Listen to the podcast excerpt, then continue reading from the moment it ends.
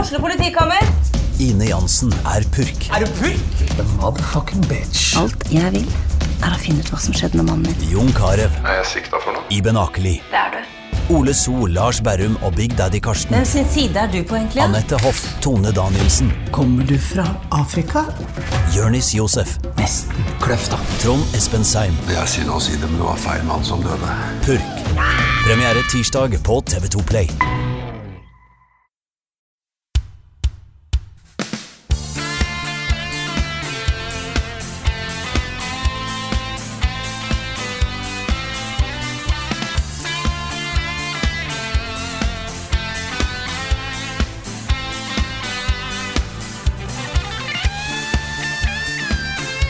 Tre flotte folk er i dag samla for å spille inn podkast 333. Og når jeg sier samla, så mener jeg faktisk samla. Jeg har lyst til å ta et spørsmål faktisk til å starte med fra Kristoffer, Kristoffer Getto Boys Hansen, som skriver på en skala fra 1 til 100 hvor deilig er det å være samla alle sammen igjen? Åh, det er så Veldig deilig. Veldig deilig. Ja, vi hadde jo først en eh, Du kom til byen eh, eh, på tirsdag, Frida. Mhm. Så hadde vi først en liten samling hvor vi stakk og spiste veldig god mat. Å, veldig god mat. Le Benjamin. Le Benjamin. Eller eh, Le Benjamin. Ja, Le Mhm. Benjamin. Ja, det var veldig godt og veldig hyggelig, og jeg kjente på den følelsen med en gang når vi liksom rusla ned Torgata. God damn, altså. Digg å være sammen igjen og se dere i ansikt og sånne ting. Vi har vært liksom ute og spist og drikke og sånn, Ja. og vi har sett mennesker gå forbi. Ja. Ja, Det er rart. Veldig. Veldig rart. tett, i sånn- i- tett i flokk og Ja, alt mulig rart. litt- litt for Det- tett. Mm. Ja, innimellom. Det, Men det Altså, er, det, det er noe liksom fint med å se folk igjen, og det virker som Det er kanskje litt, litt sånn teori, da. Men Mm. det virker på meg som om folk har fått litt mer selvtillit til å være seg sjøl mens de har vært innelåst. Ja, kanskje det. For jeg føler at det er mye mer mennesker som liksom tør å være annerledes Ja. nå. Kanskje. Det kan hende det er fordi jeg ikke har sett folk på dritlenge. Alle ser rare ut. jeg har glemt hvordan folk ser ut. Mm, Men det, Ja, ja. er Mm. sånn, det virker som liksom, folk har begynt å liksom embrace seg sjøl litt mer. Mm. Det er litt koselig å se. Og så hadde vi jo et, eh, vårt aller første liveshow her på Eldorado eh, i går. Mhm. Og det var jo Det var jo så gøy. Og så Vi var jo sammen med Spelledåsen og Rad Crew. Mhm. Eh, det var et lukket show for Patreon-backere, så det var bare Patreon-backere som var her. Og det ble en sånn der familiestemning rundt det som var helt spesiell, altså. Mm. Jeg er dritfornøyd med åssen det gikk. Ja, fy samme faen. her. Det var kjempegøy. Og så koselig med f- at både Lars og Sensen og Espen òg var med på showet. Åh, yes. Det var en så god gjeng altså på den scenen. Det var første gang på over to år jeg har sett Lars fysisk. Ja, uff. Ja, men Det er ikke så langt unna på samme Frida og sånt heller, da. Det er ett og akkurat. et halvt nei, år. Det var nei, siste nei, var jo halvannet år, ja. Mm. jubileet vi hadde i 2020. Men vi ser hverandre hver uke da på Discord og Det gjør sånt. vi. Vi gjør jo da. Ja, så Jeg har ikke glemt hvordan dere ser ut. Nei, Nei. det er sant. Men det er ikke 100 en erstatning, altså. Nei, det er ikke det. Det er noe annet å møtes. Mm. Og så ble det jo vist ting på det showet som, eh, som i hvert fall jeg er litt usikker på om eh, noen gang skal offentliggjøres. Men det var litt deilig å kunne, kunne vise fram, liksom, for jeg har jo en ganske Så humoren min kan være ganske mørk. Ja, Men når du sier det sånn, så høres det ut som det er mye verre enn det egentlig Mm-hmm. Ja, for det Ja, var det ikke var så ikke ille. så gale. Men det er mer, mer på en måte at den, den humoren viser jeg ikke fram offentlig. er. Nei. Så Nei, ofte, jeg kan i hvert skjønne fall. det, det. Så er, det, ofte. er, det er en type joke som er kanskje litt mer lolbua. Ja, ikke Ja. sant? så, men vi får se. Kanskje eh, legge ut noe da, av det vi gjorde lukka for Patreon-backere etter hvert. For de som ikke kunne komme, da, for eksempel. Men det blir ikke det, blir ikke det fulle showet, Nei. sannsynligvis. Men Espen filma en god del, Ja, så eh, det gjorde vi kan, kan jo se hva vi kan bruke der. Yes. Mhm. Ukens hotteste. Ukens hotteste denne gangen her er jo kanskje prega av at denne veka her så er det podkastepisode 333. Så vi har eh, funnet fram hver vår topp tre-liste med tredje spill i en serie. Ja, som må ha tallet tre i tittelen også i tillegg. Ja, vi skal være litt strenge her. Så det blir topp tre, og så 333 Ja. i episode tre. Det er, en sånn, det er et eller annet magisk med sanne tall, ikke sant? Og så er vi tre personer. Tre personer. Men det Nei. kan være romertall tre. Ja, Ja. det kan være romertall tre. Ja, det det kan kan være være- ja, romertall Det er bra. Så da rakner ikke hele lista di. Nei. Det er- jeg er- Du kan få lov til å begynne, Carl. Jeg Ja. tror jeg vet, eh, vet noen av spillene som kommer til å Ja. være på den lista. Jeg har en Mm. ganske predictable liste, tror jeg. Ja. For på tredjeplassen Mm-hmm. så har jeg da Sonic 3 and Knuckles, eventuelt eh, Sonic 3 and, and Idris. Ja, ja, nettopp. Det er liksom fortsatt kanskje litt sånn sidestilt med Sonic Mania nå, da. Ja. Mm. Men, eh, men det beste Sonic-spillet Ja. for meg. I Ja. hvert fall når du kombinerer det med And Knuckles. Ja, nettopp. Og det er så, for de som ikke jeg har sagt dette her før, men for de som ikke vet hva det dreier seg om, så er det da en veldig, veldig veldig old school expansion. Hvor du har en kassett, som da de, de Sega Mega Drive-spillene kom på. Og så åpner du lokket på kassetten og putter Sonic 3 oppå. Og det er, det er en ganske sånn kul teknisk ting. men, Mm. Funky. eh, Funky. og der kunne du også putte Sonic 2 for å spille som Knuckles i Sonic 2. Mm. Wow. Oi. Så det var sånn, det var sånn multipurpose expansion. Ja, ja, ja. Wow, det er funky Det er greier. litt kult. Men jeg kan gå videre til andreplassen. Mhm. Der har jeg Dark Souls 3. Ja. Fordi, eh, selvfølgelig, Dark Mhm. Souls. Um, vi har snakka kanskje nok om det spillet. Det er ikke sikkert jeg trenger å si Trenger spillet. ikke å gå voldsomt i detalj Nei. på det. Nei? Og på førsteplassen, sjokkerende nok, har jeg da Kingdom Hearts 3. Ja. Jeg vil nevne Carl City i Kingdom Hearts-T-skjorte akkurat nå. Jeg gjør det. Ja. Jeg gjør det. Var det planlagt? Eh, nei. Nei. Jeg har veldig mange Kingdom Hearts-T-skjorter. Så det er eh, stor sjanse for at jeg sitter i Kingdom Hearts-T-skjorte ofte. ja. Mm. Så det er, eh, that's my list. Bra liste. Ja, det var Rune? fint. Eh, Jeg har honorable mentions også, jeg, da. Ja, selvfølgelig har du Og så det. For det første så må jeg bare si at eh, når vi bestemte oss Det må ha tallet tre-tittelen, så ekskluderte det jo eh, Super Metroid Ja. og Splinter Cell Chaos Theory, da, som kanskje to av, de- to av de beste treerne eh, som er lagd. Eh, og så er jeg ikke med Duke Nukem 3D, Grand Theft Auto 3, Super Mario Bros 3 og SSX 3. De kommer heller ikke med på lista. Men dette er også ikke sant, sterke treere. Så da blir da min topp tre på tredjeplass Ratchet and Clank 3, og der har jeg litt flaks. Fordi i USA så heter den Up Your Arsenal. Ikke Ratchet and Clank 3, men i Europa så het den Ratchet and Clank 3. Ja, OK. Og det er eh, det Ratchet and Clank-spillet jeg har hatt mest glede med. Og så satt opp mot senere utgivelse og sånn, kanskje, kanskje liksom rent teknisk noen av de er litt bedre. Men det var det spillet hvor de virkelig fant formelen Ratchet and Clank. Kjempebra spill. På andreplass Metal Gear Solid 3. Snake Eater. Yes. Så Ja. den kommer. Ja, ikke sant? Det er bra spill, da. Det, er Å, veldig bra. Ah, herregud. det var mitt Det er- første Metal Gear. Åh, det er kjempebra. Og så da på førsteplass Dark Souls 3. Dark Souls 3. nice. Da tar jeg og fortsetter. Jeg har et par honorable mentions. De er ikke med, for at jeg vet ikke om de er bra. Hvis det Oi. gir mening. Men Topp- jeg topp syns de tre er bra. du ikke vet om er bra? Ja, Å, ja, ja, ja, sånn, sant, for, ja. for du har spilt de? Ja, nei, ja, ja, ja. ja, ja. Eh, eh, nei, nei, Rayman 3. Ja, ja. Ja. sånn, Ja. ja. ja Sånn, jeg sånn skjønner ikke hva vet om er bra, ja. Mm. Ja. Det er jeg med. Fordi at jeg kan ikke sette de på topplista, men det er viktig for meg likevel. Mm. Eh, så den er honorable mention. Den samme er Sims 3, fordi at det er litt for lenge siden jeg har spilt det. Mm. Men det har jeg som liksom honorable mention, det spørs om det er sagt. Og så er vi nå videre på topp tre-lista. Jeg har ingen spill som dere har sagt. Ja, det er bra. Oi. Aha, så Det er bra. håper dere er forberedt på dette her. Eh, jeg begynner med Gitar Hero 3. Ja. Som er jo den legendariske Guitar Hero-versjonen. Det er der du har Cliffs of Dover og Through the Fire and Flames. Oh yes. Så det er et fantastisk spill. På eh, andreplass har jeg Pikmin 3. Uh.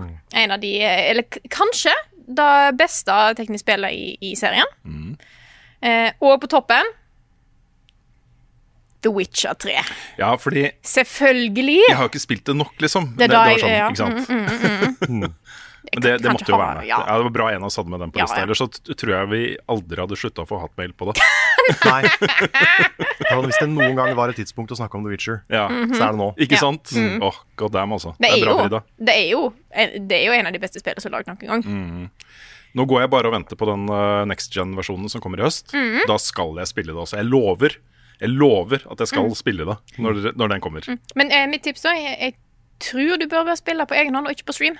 Ja, det, det har jeg funnet Mm. ut. Jeg lo veldig da du spilte Witcher 3 på stream og kom til Gwent, og bare den derre Åh. Jeg så det på hele deg. Altså, dette har du ikke lyst til. Nei, og man måtte. Den første må man jo ta, Ja, da. det stemmer, det. stemmer det. Mhm, Så, så ja. Nei, Det er det er å lære et helt s- nytt spill i spillet, på en måte. Ja. mhm. Jeg gjorde jo det i Valhalla. Da lærte jeg meg den eh, årlog... eh, ja, Mm. det var gøy. Ja, det var, ble gøy. Det ble kjempegøy.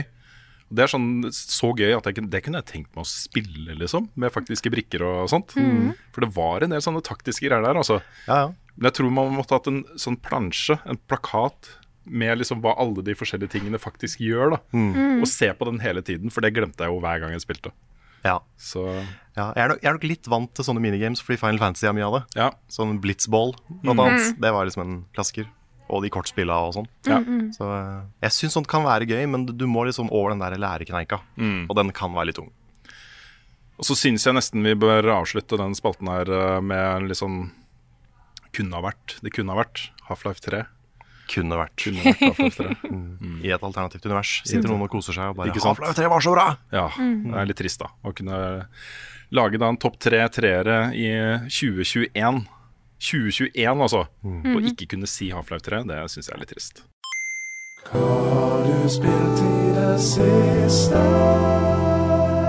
Nå er det vi jo eh, rett jeg holdt på å si, på randen av utgivelsen av et ganske spennende spill.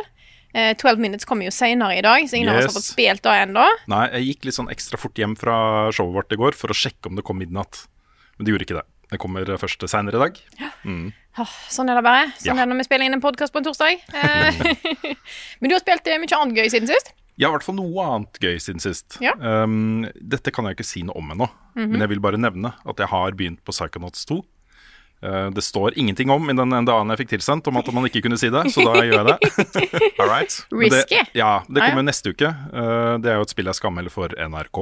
Mhm. Så den anmeldelsen kommer da eh, til neste uke en gang. Jeg tror ikke jeg kan si hva embargoen er ennå. Så, så eh, da kan folk se fram til det. At Mhm. det kommer anmeldelse der. Jeg skammer meg fortsatt over at jeg ikke har spilt eneren hans. Det er, jeg har hørt så, mye, så utrolig mye bra. Det er et Om det veldig, en veldig eh, Carl-spill. Ja, ja, for jeg har sett starten på det. Mm. eh, og liksom cutscenesa som leder opp til eh, starten på historien og, og sånn. Ja.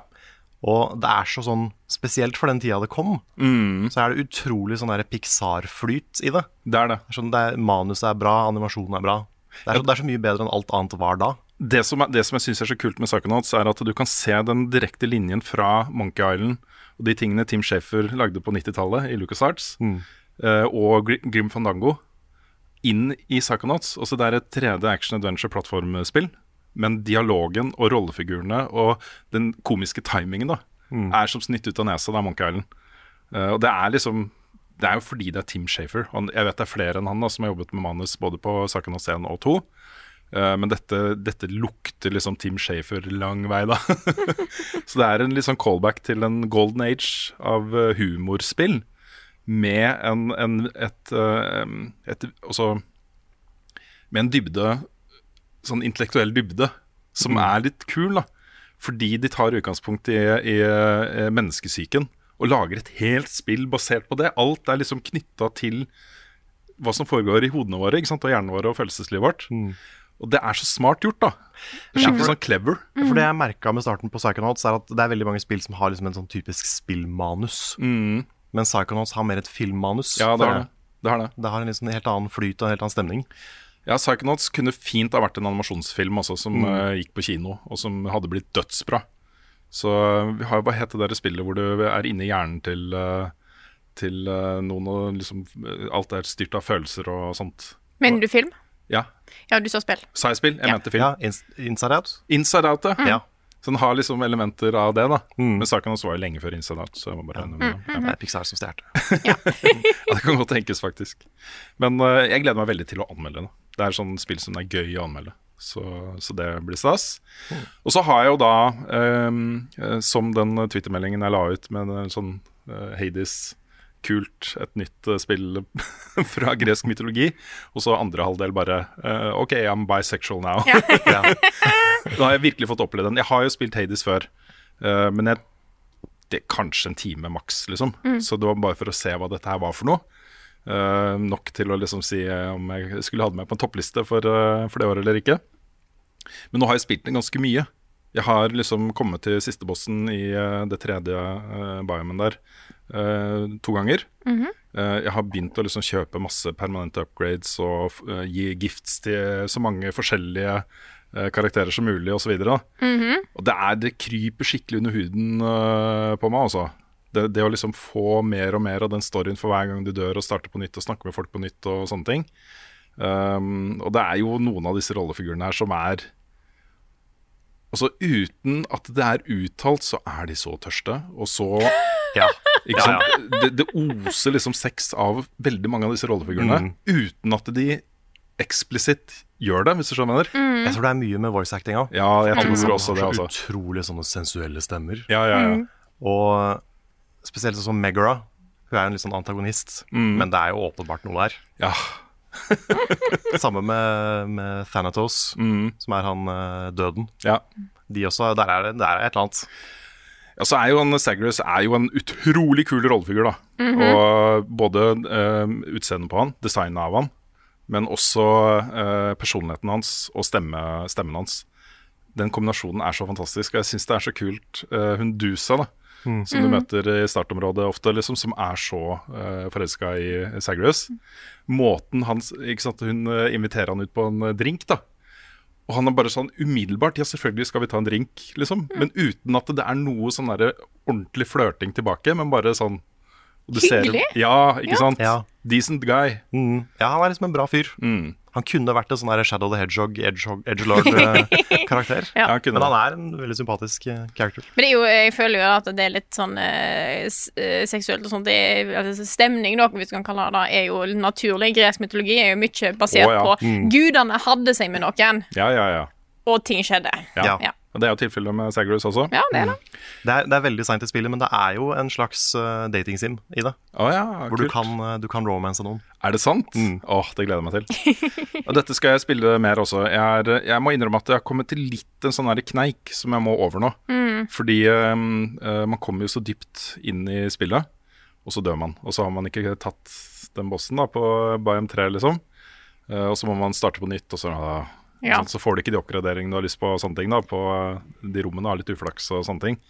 Så det går jo med litt tid til det. Og så det er en halvtime her og en halvtime der som er litt sånn der åh, Ikke sant? Men, um, øhm, men jeg må si at jeg, jeg setter veldig, veldig pris på øh, den gjenfortellingen av gresk mytologi. Og det at fokuset her er jo forholdet mellom uh, Sagrus og eh, Hades. eh, faren hans, den strenge faren. eh, Strenge, kontrollerende faren. Som han ønsker å bryte ut fra. Det er på en måte en ganske sånn universal historie da, som mange kan kjenne seg igjen i, tror jeg. Ikke bare sånn det forholdet til fedre og sånt, men det å OK, dette er hjemmet mitt. eh, det har blitt for trangt for meg. Jeg må komme meg ut herfra og starte å leve mitt eget liv, liksom. Fortalt da gjennom greske guder og, og, og sånne ting. Og det er, jeg syns det er smart gjort, altså. Det er eh, godt fortalt. Veldig, veldig godt fortalt. Så, så det er et eh, veldig hyggelig bekjentskap. Og det kommer jo nå da eh, for første gang på PlayStation og Xbox. Så jeg tror det er en del mennesker som har på en måte muligheten da til å oppdage dette spillet for første gang nå. Og det vil jeg anbefale folk å gjøre også. Ja, det fikk jo ti av ti av oss to, Frida. Jepp. Det er ikke mye som får det. Nei, det er eksklusiv klubb. Ja. Nei, det er, et, eh, det er et, eh, et så bra spill, altså. Jeg har- har lyst til å vente til jeg har liksom kommet meg ut av eh, underverdenen eh, og begynt å få mer av storyen og sånne ting, før jeg sier om det er ni av ti eller ti av ti. Men det er jo i hvert fall ni av ti. Sånn uten tvil, liksom. Dette er så vellaga, altså. Og så må det nevnes da at det er jo et rogelight. Du eh, mister jo alle våpnene og oppgraderingene du har liksom fått på veien eh, gjennom de eh, tilfeldig sammensatte rommene som du har hver, hver turn. Da.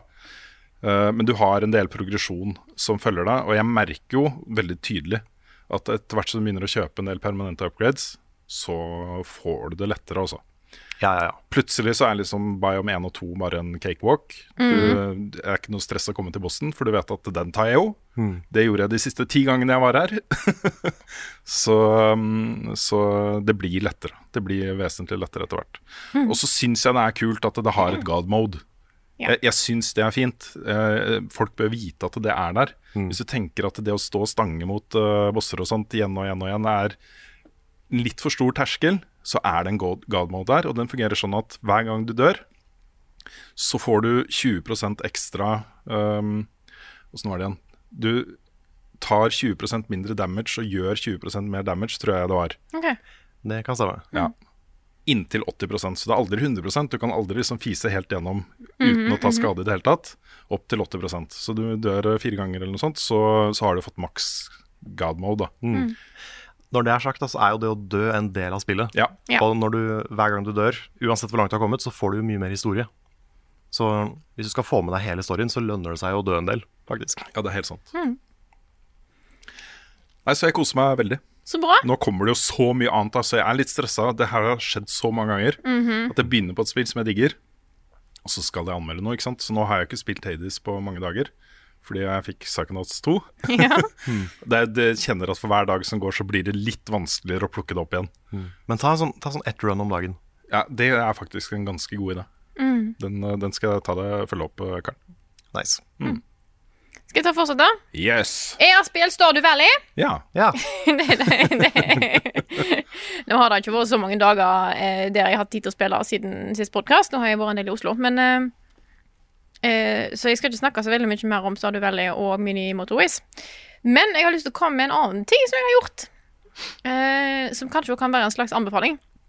På fredag var nemlig jeg og så et spill. Og ikke et game-type spill, men et sånn teater-type spill. Ah. Derfor tenker jeg linken her. Spill, Ja, sant? ja, Innafor. ja, ja, ja. Eh, dette var spelet om trona. ja, det stemmer det. Det nevnte du jo. Ja, Game of Thrones på 60 minutter. Og Denne har visst vært i Oslo helt og sånn også. Nå er han i Trondheim, og han er der ei helg til. Så Mm. hvis du er i Trondheim, anbefaler jeg sterkt å ta en kikk på Kom deg ut og se Spel om trona. Det var utrolig festlig. Fire skuespillere som hadde alle rollene. Kult. Det var helt, eh, helt nydelig. Mye bra musikk og mye bra eh, og eh, Bra sanger og bra skuespillere. Masse tull. Så mye humor. Hadde det kjempegøy. Det var en fantastisk sang som heter 'Det burde vært lov, men det er incest'. Herlig. Yes. Ha.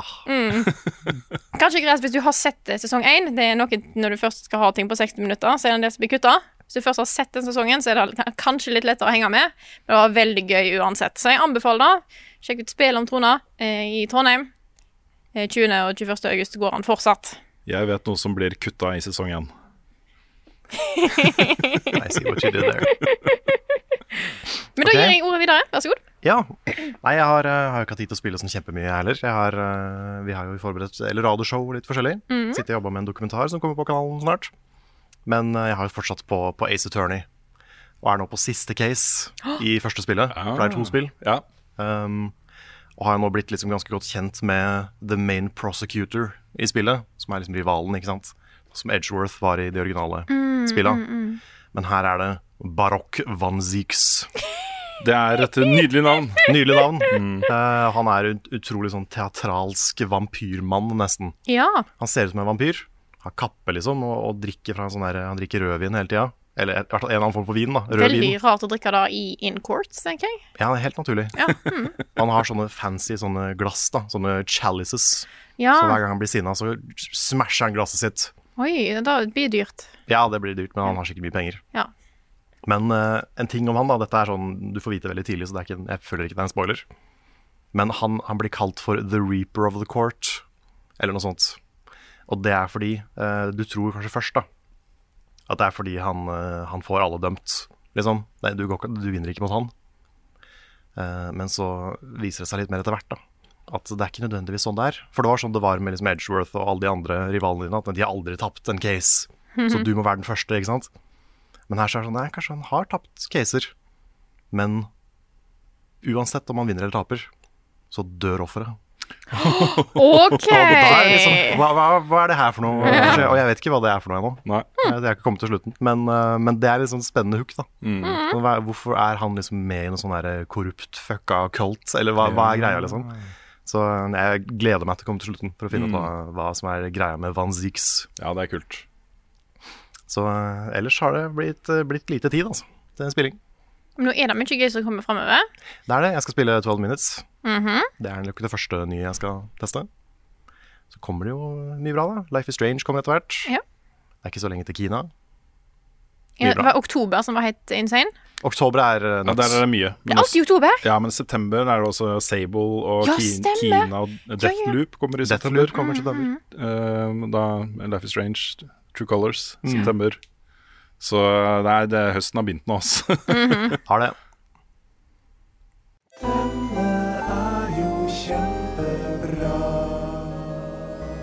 Ukens anbefaling. Anbefalinga denne uka må vi komme med en liten disclaimer på. Ja, vi må nesten det. Ja. Nei, vi jobber jo eh, tett med Eldorado. Vi har laget eh, denne dokumentarfilmen eh, Karl nevnte i stad. Stemmer. Eh, vært der masse og jo- gjort mye greier. Um, så det er et kommersielt samarbeid. Vi tjener penger på å jobbe med det. Um, men det er jo en grunn da til at vi eh, inngikk dette samarbeidet. Og det er jo fordi vi syns det er ganske fett at vi nå får et eh, spillsenter i Oslo sentrum. Med denne salen spesielt, da, for oss, og uken til liveshows og sånne ting. Så vi føler at eh, vi har eh, belegg for å kunne komme med da Eldorado som ukens anbefaling, for nå åpner de på lørdag. Førstkommende lørdag er første offisielle åpningsdag. Da kan du komme hit, booke tid på en maskin, ta med deg kompisene dine, sitte og spille sammen.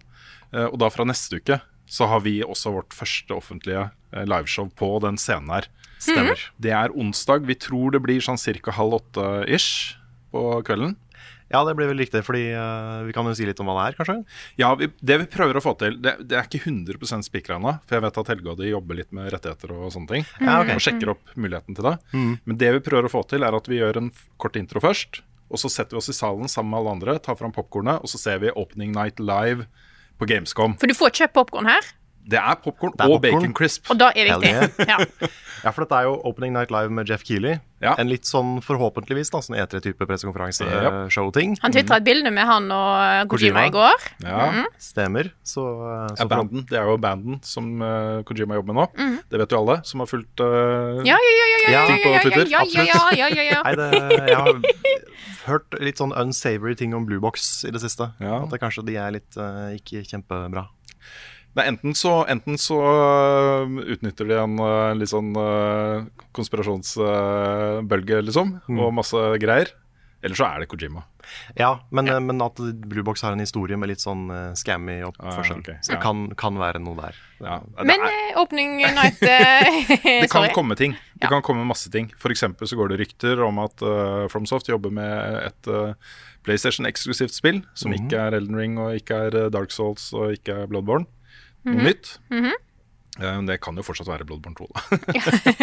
Kan være. kan være. Men jeg, jeg må jo si, hvis det blir eh, Hvis dere skal ha eh, show-opening night live her, da må dere ha med pennekasting. Da Ja. blir det penner. Vi har lyst til å sitte opp i en av de VIP-båsene som er på siden. Eh, skal ikke si så mye. Kanskje rope litt, da. Hvis Mm. Ja. det skjer noe fett. Ja. Ja. Altså etterpå, etter det showet er ferdig, Ja. så skal vi ha vår, vårt show. Ja, og da blir det podkast. Da skal du inn, eh, Frida, Jeg skal inn på skjerm. på skjerm Mhm. i midten, liksom, mellom oss. Og så kjører vi en podkast Ja. etter, etter det, da. Jeg er ikke, nø- vi er ikke sikre på om det blir en hel podkast, eller om det blir segmenter fra den. Ja, Vi får se hvor mye tid vi har, og hvor eh, lenge dette eh, Gamescom-showet varer. Um, det blir da kanskje liksom spalten eh, Ukens hotteste eller Nyhetsspalten eller noe sånt. Eh, eller kanskje paraspaltene type ting. Og at vi tar resten da eh, over dis- Discord som vanlig. Så, men det, det blir første gang vi sitter på den scenen med folk. Og jeg håper jo at det kommer flere enn tre personer. Ja, det har vært hyggelig, det. Ja, Men det, hadde ikke, altså, det er ikke krise om det bare kommer tre personer heller. Nei, Nei det, blir, det blir veldig spennende Ja. å være her. Og det, vi har jo fulgt bygginga eh, og hele prosessen med Eldorado i to år nå. ja. Det har vært gøy å se det liksom bli til. ass. Det er helt sant. Og vi fikk jo veldig god følelse på hvordan det faktisk er da, å ha shows her eh, i går. Og det er ordentlig bra, altså. Ja. Kjempebra lyd og lys, og den skjermen er jo fantastisk. Den og, skjermen er sexy. Jeg, eh, Vi testa den litt ut før vi begynte i, i går, og jeg spilte Mario Kart på den, Ja. og da var knall. ikke sant? Mhm. Vi, vi hørte fra han Hugo som jobber her eh, i, går, på, i går kveld, at den er i 32.9-format. 32.9 Han er format. ja. dobbel 16,9, fordi Ja. at det passer bra. fordi at sånne skjermer Jeg kom på hvorfor. Og det er jo fordi at Hvis du har e-sportturnering, så må du kunne ha to 16,9 og 18 med hverandre som viser de forskjellige skjermene til folk. Mm. Sant? For de to ulike lagene. Ja, Da innså jeg plutselig at ja, selvfølgelig er det 32,9! It makes sense. it makes sense. Nei, så vi gleder oss masse, da. Um, og um, kommer jo til å ha da show her hver onsdag i hele høst. Og så kommer også Rad Crew og spilledåsen inn eh, en gang i måneden hver, etter det jeg har forstått. Pluss at det skal være noe sånn o- open mic-lignende konsept, hvor eh, kanskje litt mer ukjente podkaster og eh, YouTube-personligheter og sånne ting skal f- også få scenen, da. Men det blir et variert program, ikke bare pga. at eh, det er flere enn oss som skal ha det, men eh, det blir nok variert hva vi eh, Jeg sier vi, det er jo dere. Eh, dere med eventuelt meg eh, triller inn. Altså Det er fristende å bare si ok, vi kjører bare podkasten hver uke, for da trenger vi ikke å komme opp med noe nytt. Nei, ikke sant? Da kan vi bare gjøre, gjøre den tingen, liksom. Men vi skal ikke gjøre det hver uke. Kanskje en gang i måneden eller noe sånt. Ja, Noen ganger så kanskje vi streamer et spill, noen ganger så kjører vi et eh, slags show. Mhm. Litt sånn show and tell à la det vi gjorde i går, Ja, kanskje. ja. Så det blir litt sånn flytende. Vi eksperimenterer litt og finner ut hva som funker. ja F.eks. når Flåklypa lanseres, hadde det vært kult å få Ravn Studio eh, inn her. Kunne vi gjort en litt sånn bokbade, Ja, ja, ja, ja, ja. sånne ting, liksom. Det var veldig kult. Mm. Så um, nå starter det. Vi er eh, superklare. um, forventer ikke å bli søkkrike av det. Ennå, i hvert fall. Skal ikke se bort fra at det kan bli litt uh, spilluka liveinnspilling av og til. Ja, også. ja, ja, ja For masse eksempel. greier. Mm. Så, så dette, dette er eh, bra for oss. En veldig fin, eh, et fint nytt bein å stå på. og En eh, kul ting som vi gleder oss til å holde på med da, i høst. Yes. Her kommer nyheter med Rune Fjellosen. Og han har ikke hår. Vi kan jo begynne da, eh, nyhetsspalten med å trekke fram et, eh, et annet senter som åpner nå, faktisk i dag, torsdag. Og Det er Jotunheimen e-sport i Trondheim. Du vet litt om det stedet, Frida? Ja, litt sånn halvveis. Det er, jeg har fulgt dem med. Det er et eh, gaming- og underholdningskonsept, står det i hvert fall på, på sida deres. Det er jo en eh, gigantisk eh, lokasjon. Eh, de skal ha PC-er og litt, eh, litt sånn eh, ja, en plass du kan komme og sitte og, og sånt. De, jeg har ikke fått gått 100 inn i alt de har, men de, har, eh, de ser ut til å ha smikkfullt med gode datamaskiner stående klar, som er ganske litt sånn eh, som de har her på Eldorado, vil jeg tippe. Ehm, og det har åpna nå. Det er litt, jeg må si at det er litt kult at du har s- to store gamingsenter i Norge som åpner samme uke. Mm, det er spesielt. Mm. Det er veldig kult. Jeg eh, håper på å få tatt en tur innom, eh, innom der etter hvert. det er Fikk en ikke god vært der. reportasje, Frida. Yes, nå fikk jeg ikke vært der på åpningen, fordi jeg er jo her. Ja.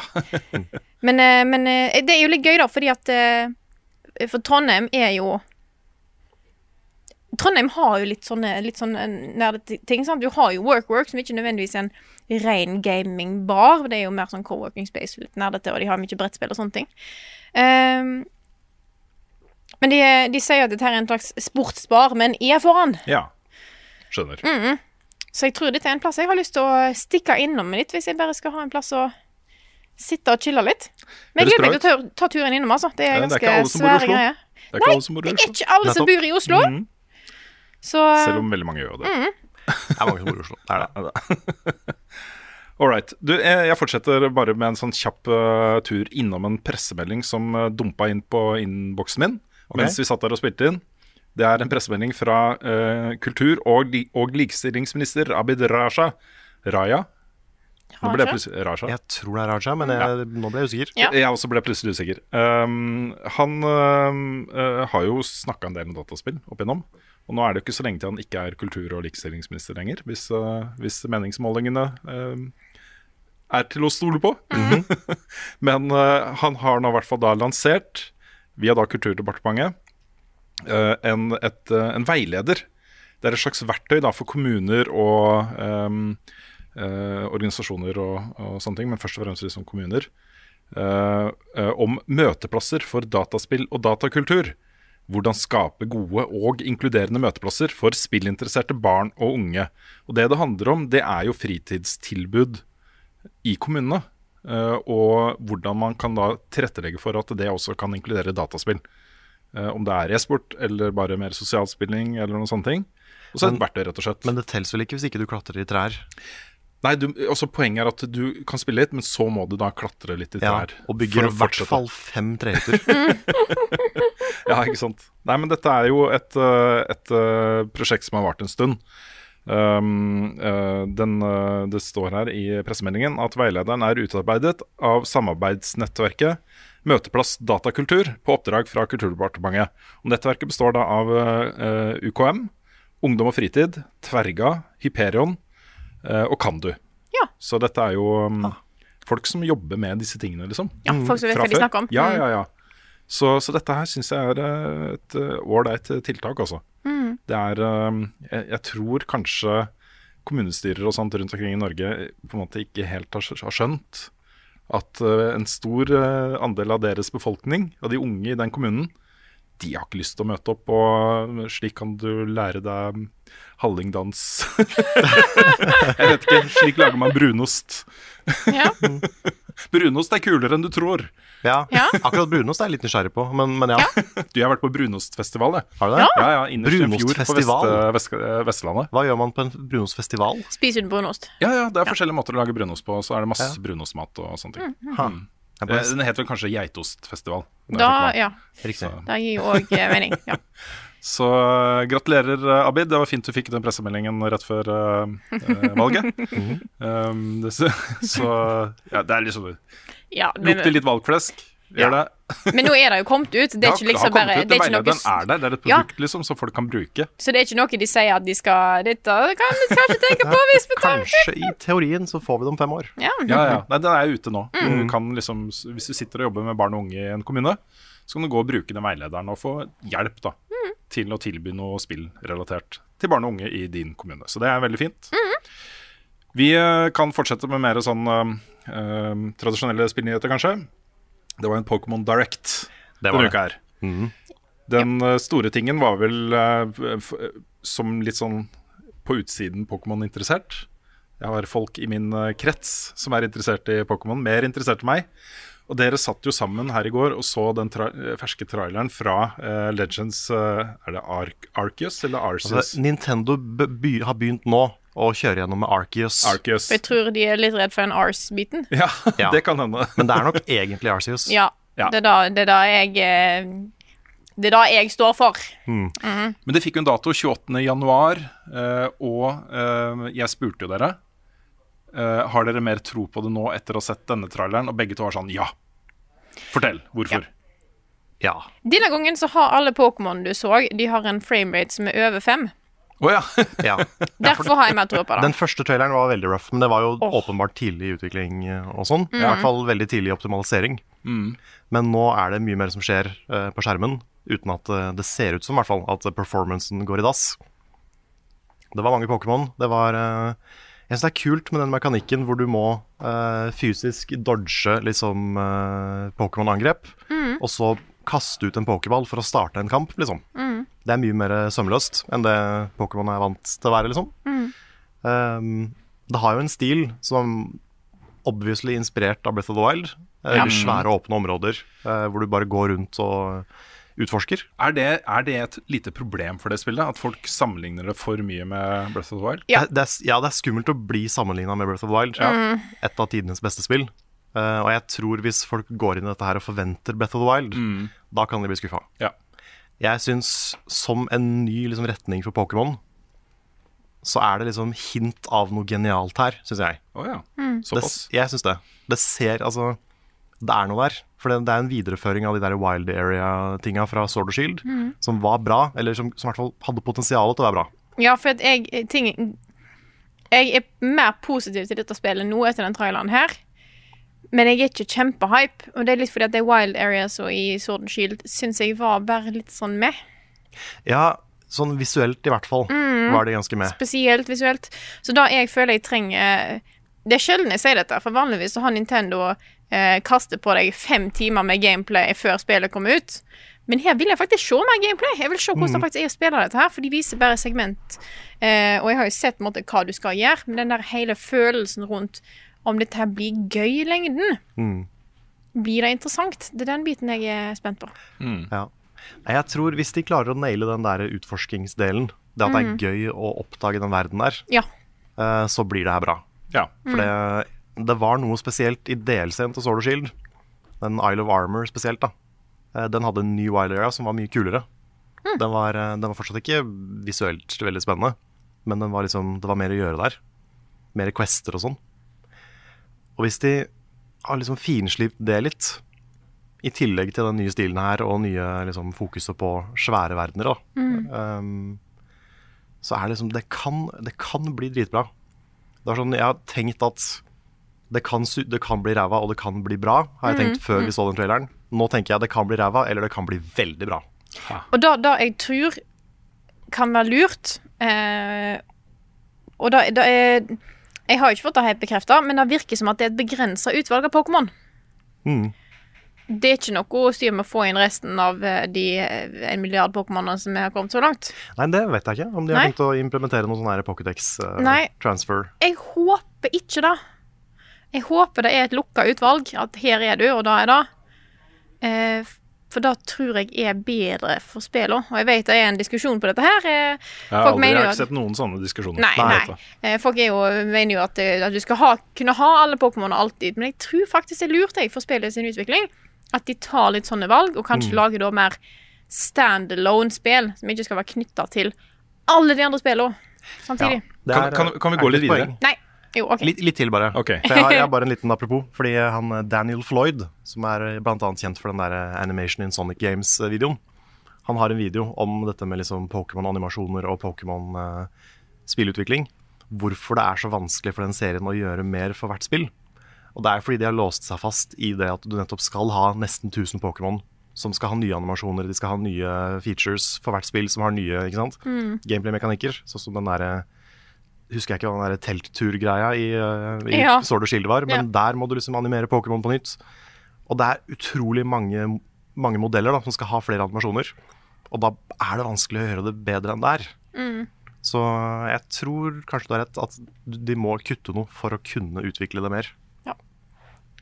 Da kan vi gi oss. du. Ja, for vi skal jo videre til mer Pokémon. Ja, riktig. Ehm, hvis eh, du ikke klarer å vente da, til uh, Arceus, så kommer det jo to mer tradisjonelle Pokémon-spill nå i høst. Den 19. november på Switch. Brilliant Diamond og eh, Shining Pearl. Stemmer. Dette er jo en, eh, den fjerde eh, generasjonen av Pokémon eh, i remakes. De tre første har jo fått remakes allerede. Den her er outsourca til et annet team. Jeg syns den ser litt sånn billig ut. Jeg synes den ser eh, litt eh, Jeg, jeg kommer ikke til å kjøpe den. Nei. Nei, Nei for Omega Ruby og Alpha Sapphire var de forrige remake-spilla, og de var veldig bra. De var liksom kanskje det peneste Pokémon-spillet da Ja. de kom. Jeg vil også bare si at jeg har ikke like sterkt forhold til Diamond og Pearl som jeg hadde til de forrige tre generasjonene. Det er jo også derfor jeg ikke er like hype på det. Jeg vet det er veldig mange som girer på dette her. Ja. Jeg merker for min del at jeg har anmeldt mer Pokémon enn jeg har anmeldt noe annet noen gang. jeg vurderer å skippe disse her, Ja. og heller bare fokusere på Ar Arceus når de, når de kommer. Yes. Du kan også eventuelt eh, kaste deg ut i Pokémon Café Mix, som Ja. nå får en ny versjon som heter eh, Pokémon Café Remix. Selvfølgelig. Det, det, det, Opp- Oppussa versjon. Eh, og så er også da eh, lanseringsdatoen for eh, Pokémon Unite, dette Free to Play Moban som kommer på Switch eh, i sommer, eh, klar. Det er 22.9. Og da vil det også komme crossplay. Så da kan du sitte og spille på mobil med og mot eh, venner på Switch. Jeg kan eksplodere det der, altså. ja. Det tror jeg. Ja, det, er- det har potensial. Skulle ønske de hadde en eh, mye mindre aggressiv eh, monetization-modell, men eh, dessverre har de ikke det. Nei. Det er eh, mye murring nå fra utviklerne av eh, Among us og deres fans. Fordi det kommer en ny mode nå i Fortnite som heter Fortnite Imposters. Det er en mode hvor du er ti spillere på en ubåt. Hvor det er eh, to av de er imposters. De åtte andre skal gå rundt på ubåten og ut, eh, full, utføre tasks. Ja, for det ubåter så veldig spaceaktig ut. ja, det er en ubåt Ja. eh, utføre tasks, mens da imposters skal drepe dem. Det ligner litt grann på Among us. Litt. Rann. Lite grann. Og det kartet også, var- så oversiktskartet er liksom Ja, Ja. Var, det, var det hint av mange inni der? Ja.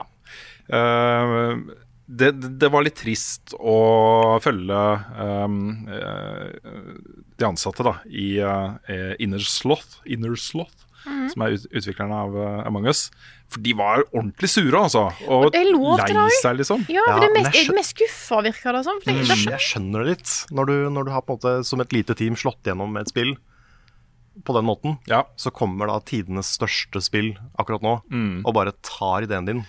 Ja, fordi også, det skal jo nevnes da at den type også, eh, eh, crewmates, eh, eh, imposters det er jo ikke, Among us er jo ikke det første spillet som bruker konseptet. Nei, og det kom flere nyere i tillegg. Ja.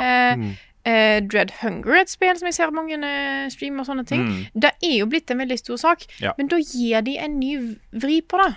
Det er akkurat det, og det, det føler, føles kanskje ikke som om eh, eh, Epic gjør det. Og en av de tingene som utviklerne har sagt, er liksom ja, hvor vanskelig er det å tilføre de siste 10 i en ny versjon av dette her for et selskap som Epic? Og i tillegg bruke litt annen terminologi enn Ja, ja, ja. Imposter og sånne ting, kanskje. Vi eh, fikk også en melding da fra, eller flere eh, twittermeldinger fra eh, en av grunnleggerne av eh, Inner Sloth, Mark Markus Bromander. Jeg lurer på om han er svensk, jeg. jeg er ikke sikker. Hva? Br- Bromander er et veldig svensk navn. Markus òg, ja. Ja, ja, ja, ja, ja. Eh, hvor han skriver da at eh, det verste er at vi aktivt har forsøkt å få til et samarbeid med Epic. Ja. Det var det verste, liksom. Mm. Så um, um, det er litt sånn Jeg syns det er Altså, de har jo sagt det sjøl òg, de har jo ikke copyright på gameplay-element. Nei. Nei. Men de kunne ha gjort det litt mer De kunne ha vært litt mer kreative enn å bare rippe hele greiene. Og jeg syns det er ufint av Epic.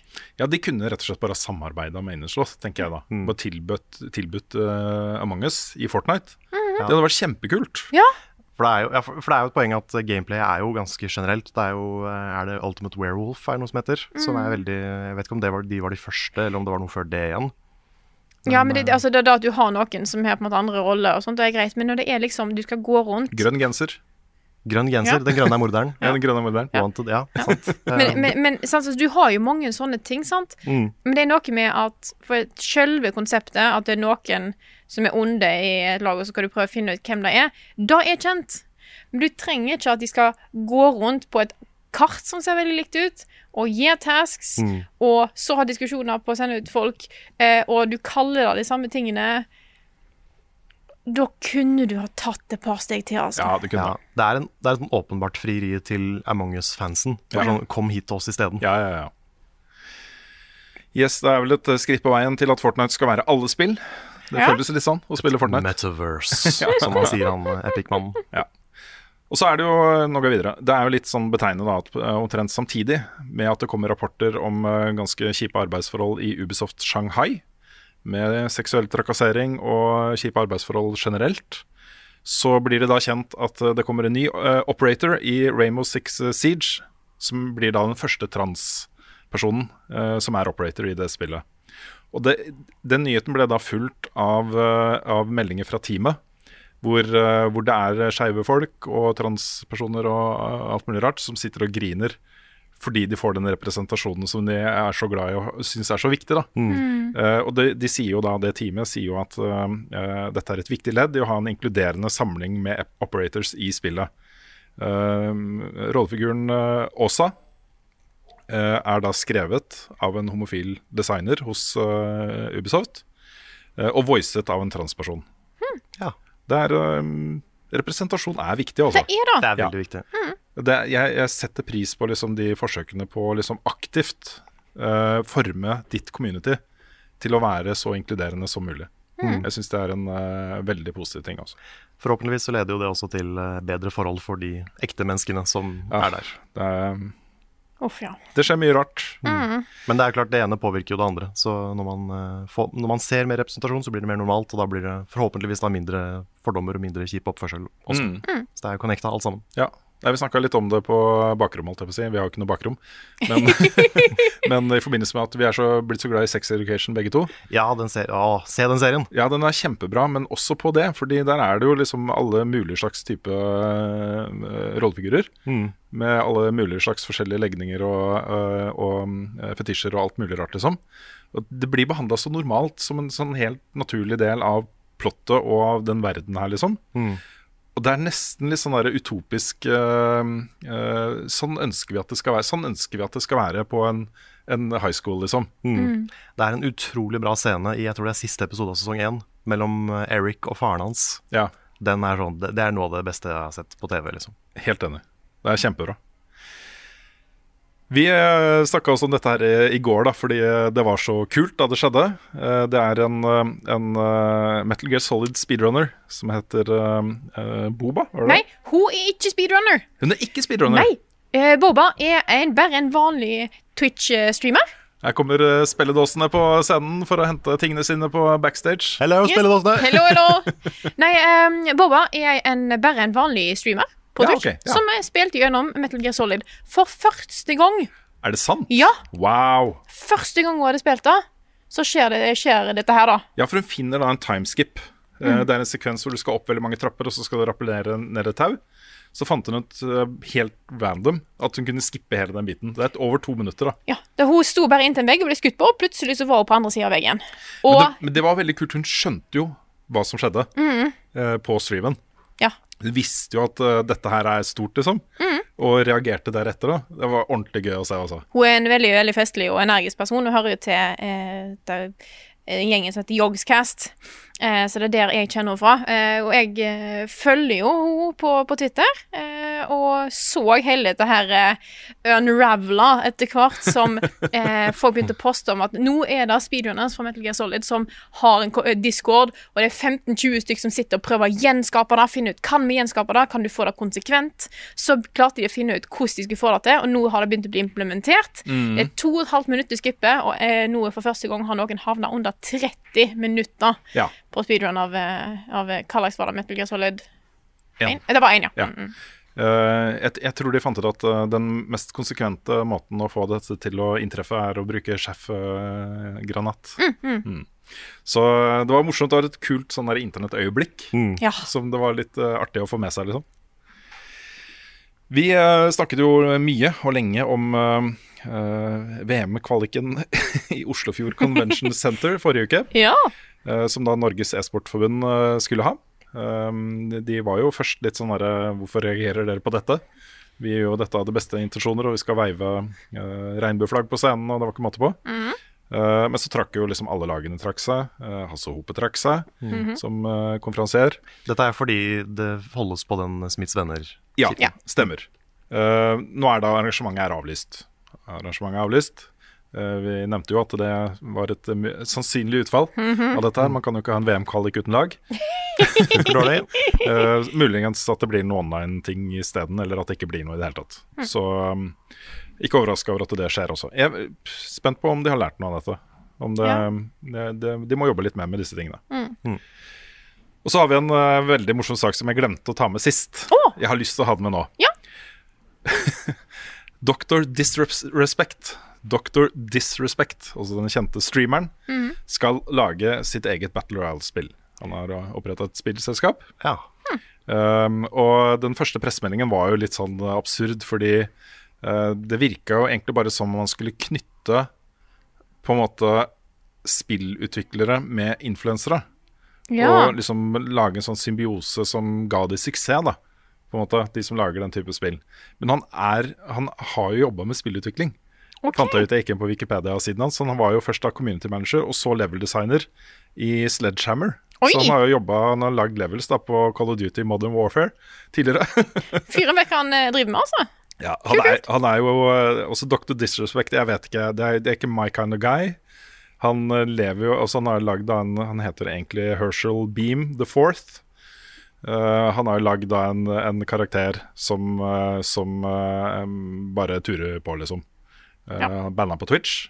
Mm, Å. Permanent. Å, ditt Ja. eh, Jeg hadde glemt eh, helt litt hvem dette her var, ja. Ja. Var, var ikke dette fordi han streama fra dass, eller et eller annet sånt? Nei, det, da fikk han en midlertidig band. Ja, riktig. Eh, han eh, på etere. Han eh, hadde livestream hvor han hadde en kameramann som fulgte han rundt på etere, og så var han inne på dass to ganger. Ok. Ja. Eh, Da fikk han en midlertidig band på Twitch, men nå er han banna permane- permanent. Og han har da ifølge ham selv ikke fått noen forklaring fra Twitch på hvorfor. Men han er tilbake da på YouTube. Og han Mm. kjører jo sånne streams hvor han har sånn 400 500 000 samtidige seere og sånne Å, ting. fy Så fader, dette noen er er, store, altså. Mm, eh, dette er, han er en utrolig stor personlighet, altså. Så hvis han eh, nå går inn i dette her eh, eh, med all sin energi for å lage et eh, eh, Battle Royale-spill, som skal være mer sånn vertikalt, sier han, Mm. mer sånn eh, gammeldags Quake-tankegang, så det, det kan bli noe, det også. Ja, ja. Det kan bli noe. Så um, ja. Dr. Disrespect også skal eh, lage spill. hva kommer egentlig nå? Jeg har ikke peiling. Hva kommer nå? Nå har vi kommet til en del eh, som jeg gleder meg til, og hvis dere hører denne her, så betyr det at det var gøy eh, nok til at vi tok det med. Ja, dette er jo wildcard-spalten. Yes. En spalte som du kan være, det kan være hva som helst. Mhm. Så det er kanskje litt det jeg tenkte å embrace i dag. Ja. Fordi eh, natt til onsdag, altså natta før vi hadde eller radioshow, så hadde jeg sikkert litt nerver og var litt spent, ikke sant? Eh, og jeg hadde en drøm. Og jeg har lyst til å dele den drømmen med dere. Ok. Yes. Så dette er en eh, dram dramatic reading av eh, drømmen jeg hadde natt til Nice. torsdag. Natt til onsdag, mener jeg. Det er vel mer- mer lekt- greit å bare eh, og merke at du våkna klokka fem og skrev den ned. Ja, jeg gjorde det. Fordi eh, jeg våkna brått av denne drømmen. Bare dette var for weird til å ikke liksom få ned på papir. Ja. Eller eventuelt på en telefon. Ja. Um, og det er da også fordi den, dere er med i den. Åh, Alle dere er med i drømmen. ja. Så eh, skal jeg bare sette scenen først. Gjør Ja, det. gjerne. Settingen her er level up og profesjonelle teaterfolk skal framføre et slags synkronisert skuespill slash dansenummer. En streng instruktør har gitt oss kostymer og plasser. Dette skal framføres på overflaten av et stort vannbasseng. Vi skal bokstavelig talt gå på vannet. Aha. Mm. Alle har fått spesielle sandaler som lar dem balansere på vannoverflaten uten å synke nedi. Men jeg sliter med å finne balansen. Jeg prøver å elegant skli langs overflaten på usynlige skøyter, sånn som alle de andre, men plumper nedi vannet og dummer meg ut. Instruktøren roper 'stopp'. jeg får streng beskjed om å ta meg sammen. Jeg sier at sandalene ikke, ikke virker, og at jeg holder på å synke nedi. En engasjert scenearbeider tar tak i sandalene, tar fram en hammer og en svamp og begynner å gjøre teknisk support bak en scenevegg. Alle står i en ring rundt meg. Noen prøver å bygge meg opp, andre er utålmodige. Jeg, suk jeg sukker tungt. Det er sikkert ikke sandalene. Var jeg, Det er støttende, nok meg. var jeg støttende, eller var jeg eh, Vi kommer til deg, Ok, greit. men jeg innser da at det er nok ikke sandalene. Det er meg. Oi. Å, Det nei. er jeg som er problemet. Eh, Teknikeren ser opp på meg, rett inn i øynene, og sier Du skal skinne. Du skal, du skal bli vakker. Og jeg blir intenst glad av å høre det. En bil full av 11-12 smilende visions fra WandaVision Oi, oi, oi. kjører forbi og vinker til oss. Frida kommenterer det er litt ekkelt at det er så mange visions. Jeg er enig og lurer på hvordan de har klart å sminke så mange menn til å ligne- til å være prikk like Paul Bettany. Ja, fy fader, sier Frida. Denne drømmen er vi satt i en slags uncanny Disney World. Ok. Ja, Det er der, der vi har show, da. Ja. I en fontene. Ja, i en fontene. Ja. Teknikeren sier at han er ferdig, nå med store og ekstra avanserte sandaler jeg kan prøve å gå på vannet med. Han ber meg prøve dem. Jeg får motet tilbake. Men for å ta på meg de sandalene, så må jeg ta av meg buksa. Det er vann overalt, så jeg spør om Rune kan holde buksa mi. Han humrer slemt. Mens jeg febrilsk prøver å få på meg sandalene, ser jeg Rune har satt i gang planen sin. Han skal ta på seg buksa mi. Å nei, tenker jeg. Skuespillet starter nå. Det er vann overalt, og Rune har tatt på seg den eneste buksa jeg har. Og så våkner jeg. Å, Fy fader, også. Så jeg bare ville dele den opplevelsen av, av en, en litt Ok. sånn pre- pre-show-drøm. Umiddelbare eh, tolkningen jeg får, da. Eh, Av den ene biten. Den siste biten. Det er jo et eller annet med hvem er det som har buksene i det forholdet her-type greie. Ja, Så jeg, jeg tolker det som at jeg, altså jeg tenker litt sånn i duellsammenheng. Ja. Så har du en liten så du har en target på meg. ja, jeg har kanskje Du det. har kanskje det. Så um, det er sånn eh, Hva kommer Rune til å gjøre i denne situasjonen? Ja, ja, Kommer han til å ja. være supportive, eller kommer han til å være Ja. slem Rune? Så um, ja. Jeg kan i hvert fall si eh, sånn eh, uten, eh, uten noen eh, eh, begrensninger på det Ja, Alt som er viktig, Carl. så hadde jeg vært 100 støttende. Mm. Ja, ja, jeg vet det, jeg vet det. Og jeg kalte deg Norges snilleste mann på Du scenen. gjorde det, det var Jeg veldig gjorde hyggelig. Det var veldig koselig i går. Så jeg setter pris på det, altså. Men, eh, men det, nei, det er sånn Det blir sånn her warpa virkelighet når man eh, er spent på noe, ikke sant. Ja, ja, ja. Så istedenfor et Elorado-show, så var det et eh, fonteneshow hvor vi skal gå på vannet. Men hva tror du vision betyr her? Nei, det er et godt spørsmål. Jeg, jeg vet ikke. Nei. Det er et wildcard, kanskje, Mm. i drømmen. Hvem er de tolv visionene som vinker til oss? Den er veldig åpenbar, det der med å drukne og Ja. synke og Mm. være på Ja, vann. for det, og- det var litt metaforisk, på en ja, måte. ja, ja, ja, ja.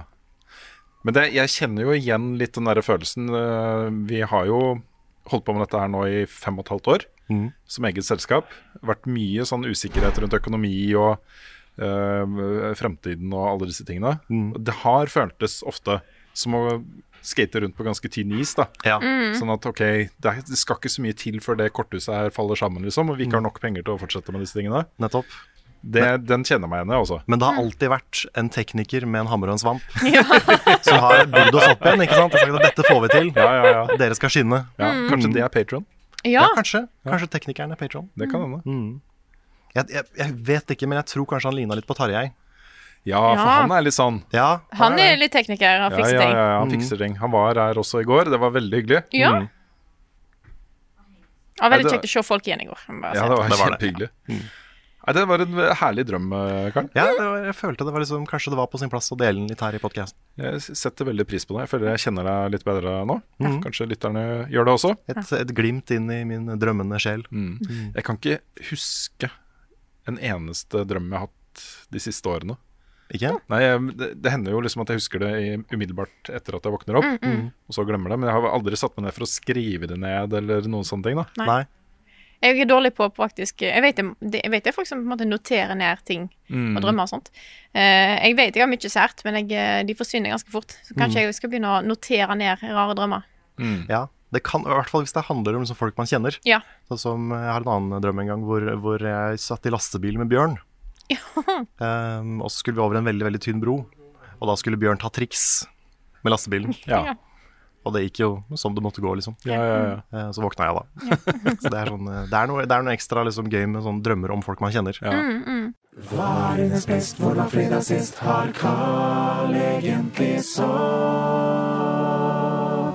Ukens spørsmål.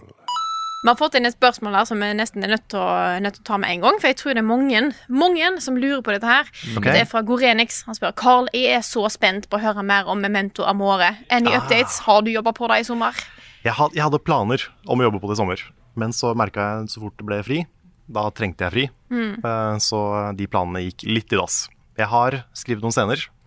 Det er da, dette er jo et, eh, et, dating, eh, et, et comedy-datingspill som jeg jobber med. Litt sånn i gate med disse visual novel-tinga som fins på, på Steam og rundt omkring. Um, jeg har skrevet noen scener. Det er, eh, måten jeg har bygd opp på, er at alle karakterene som er med i spillet, skal kunne dates. Og de har da noen dates, pluss da en liksom konklusjon og ending og full pakke. Ehm, så jeg er snart ferdig med én storyline, ja. men det skal være fire, kanskje seks storylines. Ah, kult. Så det er jo en god del igjen. Men Hvis du snart er ferdig med én storyline, så er det jo liksom Har man jo muligheten til å faktisk streame det og sånn snart? Ja, kanskje. Ja. Jeg er litt usikker på om jeg har lyst til å streame det før det er ferdig. ja. Men eh, Frida fikk lov å spille litt av starten. I, eh, Å, gjorde Jeg du det? har spilt starten. Å, Jesus Christ. Mm-hmm. Eksklusiv, eksklusiv eh, Det er ganske hot, tilgang. altså. Ja, ja, ja. Så eh, Hvordan var nå- det? Jeg må, jeg må si at jeg eh, det, det er et veldig festlig manus. Dette er jo du veldig for god på, Carl, og det er helt klart en parodi på alt dette her. Ja. Jeg har tatt veldig utgangspunkt i andre visual novels. Ja. Jeg har ikke spilt veldig mange av de. Men jeg har liksom spilt Doki Doki, jeg har sett litt eh, Dream Daddy, som også er litt sånn parodi på Selv om det også har en litt sånn eh, ekte emosjonell core, da. Og jeg har jo endt opp med å liksom prøve å ha det her også. Ja. Det skulle, først skulle bare være en joke, Ja. men så det som skjer når man begynner å skrive characters, er at man etter hvert blir litt glad i de. Og da er det sånn, ja, men jeg vil jo at disse her skal ha det bra. Ikke sant? Så plutselig så blir det, så må man ut, utvikle de, og så må man eh, skrive mer. Så det går jo litt den veien. At Ja. jeg, jeg har begynt å bli litt sånn glad i de karakterene Å, her. herregud. Men jeg, jeg lurer litt på om jeg, Kan jeg spoile en liten ting fra starten? Ok? Ja. Fordi at det, det kommer jo eh, til et valg du må ta. Første valget du må ta i spillet, Mm. eh, som jeg føler setter tonen veldig for på en måte spillet. da. Du må velge om du skal ha på deg rød eller svart underbukse. Oi, oi, Ja, oi, det oi, er det oi, første det her er valget. kjempebra. Første valg i spillet, Ja. det er sant. Har det noe å si videre? Da vet jeg ikke. Ja, nice.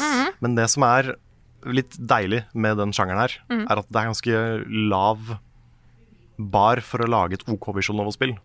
Fordi det fins jo visual novel som ikke har et eneste valg. Det er sant. Så bare du har liksom ett valg, så har du allerede litt bedre enn mange. Så jeg, jeg prøver å liksom maksimere det med mange valg, da. Jeg har lyst til at når vi skal streame dette her, at det er jeg som spiller det. Ja. Ja. Jeg hadde tenkt å foreslå at eh, litt avhengig av hvor, hvor lenge vi streamer og sånn, da, Ja, at eh, dere kan ta liksom én path hver. ja det er sant. Det er en god idé. Det er en god idé. Litt sånn basert på hvem av de dere har lyst til å date ved første øyekast, liksom. Så bare tar dere den pathen. Jeg skal eh, gjøre mitt beste for å velge den karakteren som jeg tror er inspirert av deg selv. Ja, de fins ikke. Å, nei, ok. Det, er, Nei, det nei. nærmeste er, det er litt aspekter av hovedpersonen, Ja. men, eh, men eh, ikke mye. Ok, greit. Der jeg har ikke lagt så mye av meg sjøl inn i karakteren. Sier han, Mm. ja. Sier jeg. Mm. Det er I hvert fall foreløpig. Jeg tror alle karakterene gjenspeiler hver sin side av Karl. jeg. Ja, ikke Ja. sant? At det er forskjellig Ja. Ja, men Noscope var litt sånn. ja. Ja. Jeg tror ikke dette her er fullt sånn. Nei. Ja, ok, ja, greit. Så, men eh, det, altså, det er alltid noe. Ja. Men, eh, men ja. Men jeg- skal vi ta neste spørsmål? Ja. Da trenger jeg hjelp fra Karl. Det er jo relatert. Ja, det er relatert. Det er fra Trond Sinfor Borgersen, ukens Sinfor. Hvis dere skal lage et level up-spill, og følgende oppgave må utføres, hva oppgave ville dere valgt, og hvorfor? Han lister opp musikk og lyddesign, det er på sant musikken, ja. visuell design av bakgrunn og landskap, storyline og karakterdesign. ja. Den biten jeg eh, liker best med spilldesign, sto ikke der. Det er den som handler mer om sånne spillkonsepter Ja, og, og interaktivitet og, og sånne ting. Og så eh, mer sånn hvordan, hvordan spillopplevelsen bygges opp. Det syns jeg er morsomst å tenke på da, når det er snakk om spill. Eh, så det som er nærmest, er nok kanskje story og, og karakterer. eh, For meg, da. Jeg også ville nok valgt å være på, på manus-story-sida. Mm. Det er den delen jeg tror jeg er best på. jeg havner naturlig på musikk og lyddesign. Ja. Eh, spørsmålet er, da, ma- vi mangler jo resten, holdt jeg på å si. Ja, vi gjør det. Men det er jo det det er typisk, det var problemet på skolen òg. At Mm. vi, var, vi var mange spilldesignere, veldig Ikke få sant? spillprogrammerere. Ja. Mm. Og det er typisk. Da Ja. får man ikke laget så mye. Jeg har jo en, eh, jeg har tenkt mange ganger at jeg tror programmerer hadde vært et veldig bra yrke for meg. Jeg liker litt den derre Man kan et fag og så- som ikke så mange andre kan. Og så man gjør en, en, eh, en ting da, som eh, krever en, viss, en veldig spissa form for kunnskap. eh, og som kan læres, og som du kan bli god i, og som du kan bli enda bedre i og være skikkelig god i. og sånne ting. Eh, og så kan du sitte der liksom, med headset og høre på musikk og liksom dykke ned i kode. da. Det er et eller annet med det som er ganske tiltalende for meg, som, som jeg liker. da. Så, så eh, i en verden hvor jeg kan koding, så kanskje kunne jeg vært den, den personen da på teamet. Kanskje nikk på character design? Ja. Ja! ja nikker deg. Definitivt. Kanskje vi kunne ko- collaba litt? Ja, det kunne dere nok gjort. Jeg tror ikke vi skal lage et stort spill eh, Nei. i morgen. Men jeg har jo en drøm da om å lage et level up FMV-game. Og FMV-games er jo sånne altså full motion video. Det vil si at vi filmer sekvenser, Ja. gjerne, gjerne i 480P på en ræva green screen, Ja, med kostyme fra standard, ja, og vi er alle karakterene i spillet. ja. Og ting går på repeat hvis ikke du sier riktig ting eller Ja. gir, gir riktig item. Så får du liksom den samme loopen med 'jeg vet ikke hva dette er for noe'. Å, vet du hva, vi må bare gjøre det. Jeg, har veldig, jeg ser det veldig for meg. Ja. Det trenger ikke være så langt heller, liksom. Nei, det er inspirert av alle de der rare Sega Saturn FMV-spillene. Sånn der Plumbers Don't Wear Ties er et spill som heter. og Night Trap og de der. Ja, ja, ja. Så, sånn type spill. Ja, Jeg har så lyst til å lage det, altså. En dag. let's do it. Mhm. Det kommer til å ta en evighet og være mye jobb, og jeg kan ingen av tinga som man må kunne Nei. for å lage det. Men jeg, har, jeg ser det så for meg. Ja. Nei, det må vi bare få gjort. Jeg, har, jeg, jeg har litt tro på Memento Amore også, jeg. Altså. Jeg tror at Hvis Ja. det blir lansert, liksom, du kan gå på Steam og kjøpe det. Jeg tror folk kommer til å kjøpe det. Jeg aner ikke. Ja, jeg- jeg, jeg jeg, tror det. jeg, tror vi har noen i Level Up som, er, som hadde vært nysgjerrig. Ja. Eh, det jeg er veldig spent på, er om noen utafor Level Up-sfæren hadde Ja. vært interessert. Vi kan få Vi, vi kan eh, eh, hooke opp med Dr. Disrespect. Ja! Prøv å finne noen som ikke er banda fra Twitch. ja, ja. mm. Men, eh, ja, nei. nei, men eh, det må jo bli ferdig først. da Jeg vet jo ikke 100 om jeg kommer i mål, for det er mye jobb. Ja. eh, og det er jo et 100 sånn fritidsprosjekt for meg, så det må være lystbasert. Mm, ja, ja, herregud. Men, eh, men jeg har jo lyst til å komme i mål, for det, det, det begynner å være noe der som jeg har lyst til å lage ferdig og Mm. lyst til å liksom vise fram. Ja. Så eh, jeg håper at jeg kommer i mål med det ja, men det er kult. en dag. Coming eventually, Ja. maybe. Ja. Har du et spørsmål ja, jeg har eh, lyst til å ta et, da. Det er jo eh, veldig nært eh, meg. Eh, Det er fra Jakob. Eh, Det er et langt spørsmål.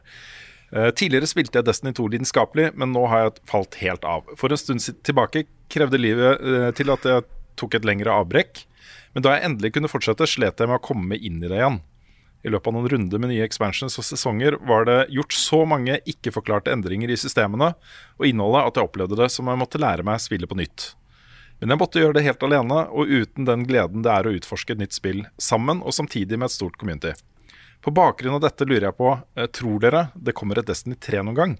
Slik at jeg kan få en fresh start? Eller må jeg bare innse at det er slutt mellom Destiny og meg? Og det er ikke bare de to valgene, Jakob. jeg skal fortelle liksom hva som må til, da, fordi den biten der opplever jeg også for hver nye sesong. For de introduserer jevnlig liksom nye currencies og nye greier som du må sette deg inn i. Og sånne ting.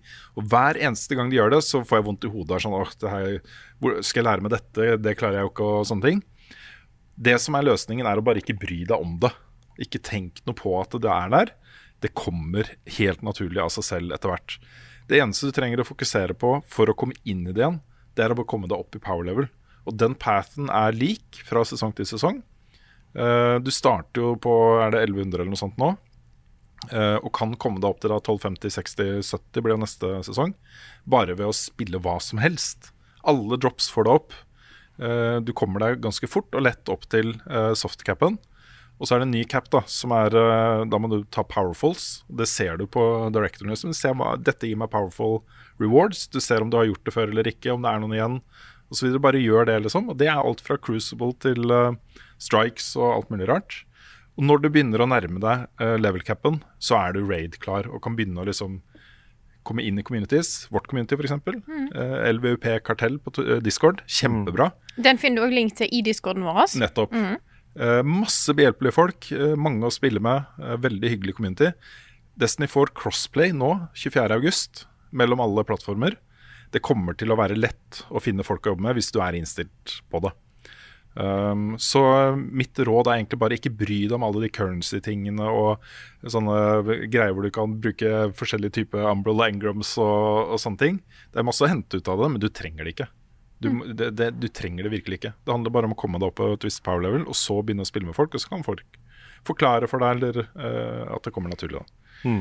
Det kommer ikke noe Destiny 3. Skal du komme deg inn i Destiny nå, så må du ta den, du må ta den pathen der. Du må først komme deg opp i power level, sånn at du kan gjøre endgame-aktiviteter. Og så kan du begynne å øh, minmakse, blir jo det, da. Fordi øh, du kommer til å få gear som er bra nok, uansett hva du gjør. Så ikke stress noe med det. Og jeg har kjent på den der FOMOen da, som har vært veldig veldig sterk i Destiny. Og jeg tror det gjelder alle Games as a Service-spill. At man føler liksom at ok, hvis ikke jeg setter meg skikkelig inn i dette, her, så går jeg glipp av noe viktig, og så er det ikke noe vits å gjøre det hvis jeg ikke gjør det. og sånne ting. Hvis du klarer å legge det bort, og det har jeg klart, da. Jeg har klart det nå 100 og tenke at ja, ja, jeg får ikke den titlen, det er greit. Eller jeg får ikke fullført den questen der helt, liksom, men det er også greit. Det er masse i Destiny 2 nå som jeg ikke gjør, og som jeg ikke har gjort i det hele tatt, fordi jeg føler at ja, det er greit. Bare bli kvitt den fomoen. Fair of missing out, hvis Mhm. noen lurer på det. Eh, og bare spill det for kos, så kommer alle de tingene av seg selv. Eh, og det tror jeg gjelder Final Fantasy 14, jeg tror det gjelder Mm. Det Mm. gjør eh, Call of Duty, Warzone, jeg tror det gjelder alle disse spillene. Ja, absolutt. Så um, det er mitt eh, tips. Du må ikke enten få et Destiny 3 eller gi deg. du kan bare ta det litt mindre seriøst. Og det er helt greit. Mm. Det er, det er sant. Mm.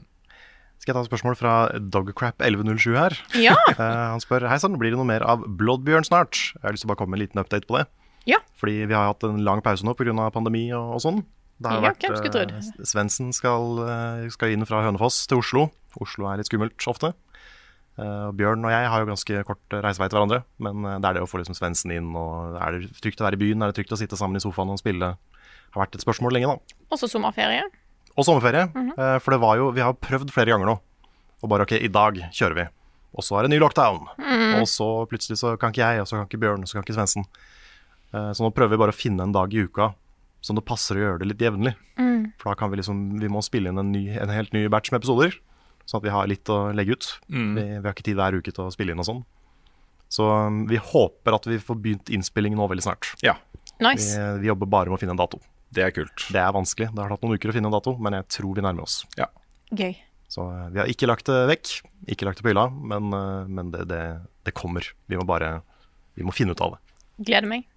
Samme Jeg her. òg. Jeg gleder meg til å fortsette. Nå er jo Bjørn videre, ikke sant? Han er jo kommet til en del han ikke har spilt før. Ja, ja, ja, stemmer det. Stemmer det. Så eh, jeg er spent. Jeg har lyst til å ta et spørsmål her. Jeg tror vi har svart på det før, men jeg har sett det dukke opp en del jevnlig nå nylig. Og vi har fått det to ganger denne uka her, så da regner vi med at folk vil høre om dette. her. Vi får ta en diskusjon, selv om det er litt på sånn og fot her. Mhm. Det er blant annet da fra Simen Østerud. Han skriver Hei, Level Backup. Hva er deres favorittspillkonsoll? Ja, jeg har jo, jeg har jo egentlig ikke noen favorittspillkonsoll. Nei, det er vanskelig, det der. Og ikke, ikke sånn tradisjonelt sett heller, liksom. Hvis jeg ser tilbake, liksom. Det er ingen av de konsollene som jeg vil trekke fram som noen sånn stor personlig favoritt for all time, liksom. Nei, For, for meg så handler det om på en måte hva eh, spill som kom til den konsollen. Men jeg, eh, jeg, har, jeg tror jeg har en favoritt. OK? Og Da er Wii. Ja. Jeg syns den har, eh, jeg syns den har eh, eh, akkurat nok kraft til å gi spill som eh, ser fine ut. Og så liker jeg de små gimmickene den konsollen har. Mm. Eh, når det blir brukt på en god måte, så syns jeg egentlig de kontrollerne er helt knall. Ja. Jeg er veldig glad i WeMote og Nunchuck. Mm. Ja. Jeg kanskje, kanskje jeg har litt sånn softspot for PlayStation 2, men det er mye fordi jeg liksom i den perioden hvor PlayStation 2 var hot, så var det også en gullalder for alle de spillsjangerne som er veldig meg. Mm. Ja. Sånn JRPGs for eksempel var jo kjempestore på PS2, Mhm, og det var så mye bra og så mange klassikere, og det var liksom, jeg har spilt så mye dritbra på PS2, Mm. så kanskje bare sånn fordi den ble viktig for meg. Litt samme med Nintendo 64. Mye færre spill, men det var mye bra. Ja. Jeg har eh, Det er på en måte ikke det- Også det viktigste for meg er jo spillene i seg selv, liksom. Men det er jo én ting, da, eh, som ikke handler direkte om spillene, eh, men som er mer knytta til plattformen, som har blitt eh, ganske viktig for meg. Og det er eh, trophies på PlayStation. ja. Jeg har så mye glede, altså, eh, av å få det der dumme Platinum Trophy-et i spill jeg er fryktelig glad i. Det å jakte på liksom alle de tingene man må gjøre for å få det Platinum Trophy-et, og kunne legge det ut på sosiale medier og skryte, liksom. Det har blitt en ganske viktig del av, eh, av eh, spill for meg, da. Det er ikke sånn hele tiden, og jeg må ikke ha det i alle spill og sånne ting. Og når jeg er liksom to trophies unna Platinum i Resident Evil Village, jeg kommer ikke til å ta de. Det er liksom, Da må jeg spille Mercenaries masse, og det tenker jeg det er gre- greit, liksom. Da får jeg ikke platinum i den. Mens andre, så Returnal og God of War og uh, FromSoft-spillene og sånt, men også Dark Souls 1. Jeg gidder ikke, altså. Det er så høye krav for å få det Platinum Trophy remastered-versjonen. Det er sånn derre Du må liksom spille igjen og igjen og igjen for å få alle spells og sånne ting. Ja. Du, kan Mm. ikke, du kan ikke få alt på to playthroughs engang. liksom- Nei, det er tre play, play, eh, tre, to og en halv, tror jeg. Ja, hvis det kan Mm. du følger en roadmap. Men det som stopper meg fra å ta den, er alle spill som du må kjøpe. Fordi det betyr Også det er ikke så mange gode grindemuligheter i eh, Dark Souls Remastered. Nei. Hvor du kan liksom farme souls for å kjøpe ting. Det er en sånn tidsinvestering som jeg ikke orker, liksom. Men, eh, men noen av de flotteste spillopplevelsene jeg har hatt, har vært å få det der eh, Platinum Trophy-et i spillet jeg er fryktelig glad i. Så sånn sett så blir det liksom litt PlayStation, da. Men kanskje også eh, Gameboy Advance SP, Mm. altså den flip-versjonen som kom av den. Der hadde jeg mange flotte spillopplevelser også. Og det var også en periode hvor jeg reiste mye med jobb. Så jeg hadde jo alltid med den på lan- sånne transatlantiske flights til etter og sånne ting. Jeg var jo, i- det var et år jeg var i USA liksom seks ganger eller noe sånt Å, for å fy være på fader. forskjellige ting. Ha. Eh, så, så den ble utrolig mye brukt, da. Um, to glimrende Metroid-spill som kom til den, blant annet. Mm. Så, så kanskje Kanskje jeg kan si at det er eh, min favorittkonsoll. Mm. Kanskje. Så jeg er blitt veldig glad i Switch, da. Switchen er veldig fin. jeg er nesten overraska over hvor mye jeg har brukt. Men det er jo veldig knytta til hva slags spill som er på den. da Plutselig Mm. Ja, det så er er det. det liksom så utrolig eh, variert og stor bredde og mange gode indiespill og Mm. masse greier, liksom. Ja. Det er så praktisk å liksom kunne spille noe på Switch. Ja. Det, hvis du har et spill som ikke er sånn altfor grafisk intensivt, så er det er ikke noe problem å spille det på Switch. Liksom. Da, eh, da eh, lurer jeg på om dere har noe spørsmål? Eller skal jeg, vi ta jeg, jeg har lyst til å bare svare på en, eh, en eh, Jeg har fått et par kommentarer da på at jeg valgte å si hva jeg stemmer Ja. Mm. forrige uke. Eh, jeg hadde forventa at det skulle komme mye mer. Jeg, jeg var stressa på å si det. Mm. Eh, jeg følte liksom et sterkt personlig behov for å liksom Mm. det, det, å- I år, da, etter den klimarapporten til FN og sånne ting, å si akkurat det. Eh, Jeg vil bare si at jeg respekterer at folk ikke vil at jeg skal si hva jeg stemmer. Jeg, jeg forstår det. Så hvis du syns det var litt eh, ubehagelig, eh, og mener at jeg kanskje ikke burde gjort det, så skjønner jeg det. Så uh, syns jeg også det er hyggelig at de tilbakemeldingene jeg har fått på akkurat det der, som har vært kritiske, har liksom det har ikke vært sånn 'nå skal jeg aldri høre på level-up igjen' type ting. Nei, Mer bare ytre uenighet, og så er vi bare enige om å være uenige. Eh, og jeg mener det var riktig nå. Jeg kommer ikke til å ehm, eh, flagge ståstedet i alle mulige politiske saker framover, men akkurat nå, i dette valget, syns jeg det var viktig å si fra at jeg syns folk bør prioritere eh, miljø og klima. Og ikke nødvendigvis stemme det jeg stemmer, men velg et parti som har en tydelig profil på det. Mener jeg er avgjørende for hele klodens framtid, ikke sant. Da følte jeg behov for å si fra. Ja, det, det handler jo litt om det også, det når man, når man føler noe er så viktig at det føles feil å ikke bruke plattformen sin på den måten, Mm. Ja. på en måte. ja, det ble litt det. det, Ja. ble litt det. Når man på en måte har muligheten. Jeg hadde, jeg hadde eh, fått dårlig samvittighet hvis jeg ikke hadde gjort det. på en måte så, um, Og så er det jo sånn vi, våre plattformer er Ok, vi, vi er journalister, og eh, eh, det er viktig for oss. Følge Vær varsom-plakaten og alle disse tingene. Men vi er også Carl og Frida og Rune og Nick og Svendsen og, og sånt. Og vi har våre personlige meninger, og jeg tenker jo at, at eh, det er en viktig del av det hele løpet er, da. Også. Ja. Og så er noen saker så store at de, de føles som de er mer enn litt sånn hverdagslig partipolitikk, da. Kan jeg bare legge til en liten ting der? Fordi det har jo vært mye sånn klimadebatt i Norge de siste månedene. Eh, og en av de tingene som jeg har blitt mest provosert over Det var jo en, en eh, eh, Miljøpartiet De- De Grønne-politiker som var ute og sa at Vet du hva, jeg vet ikke om jeg har lyst til å få barn.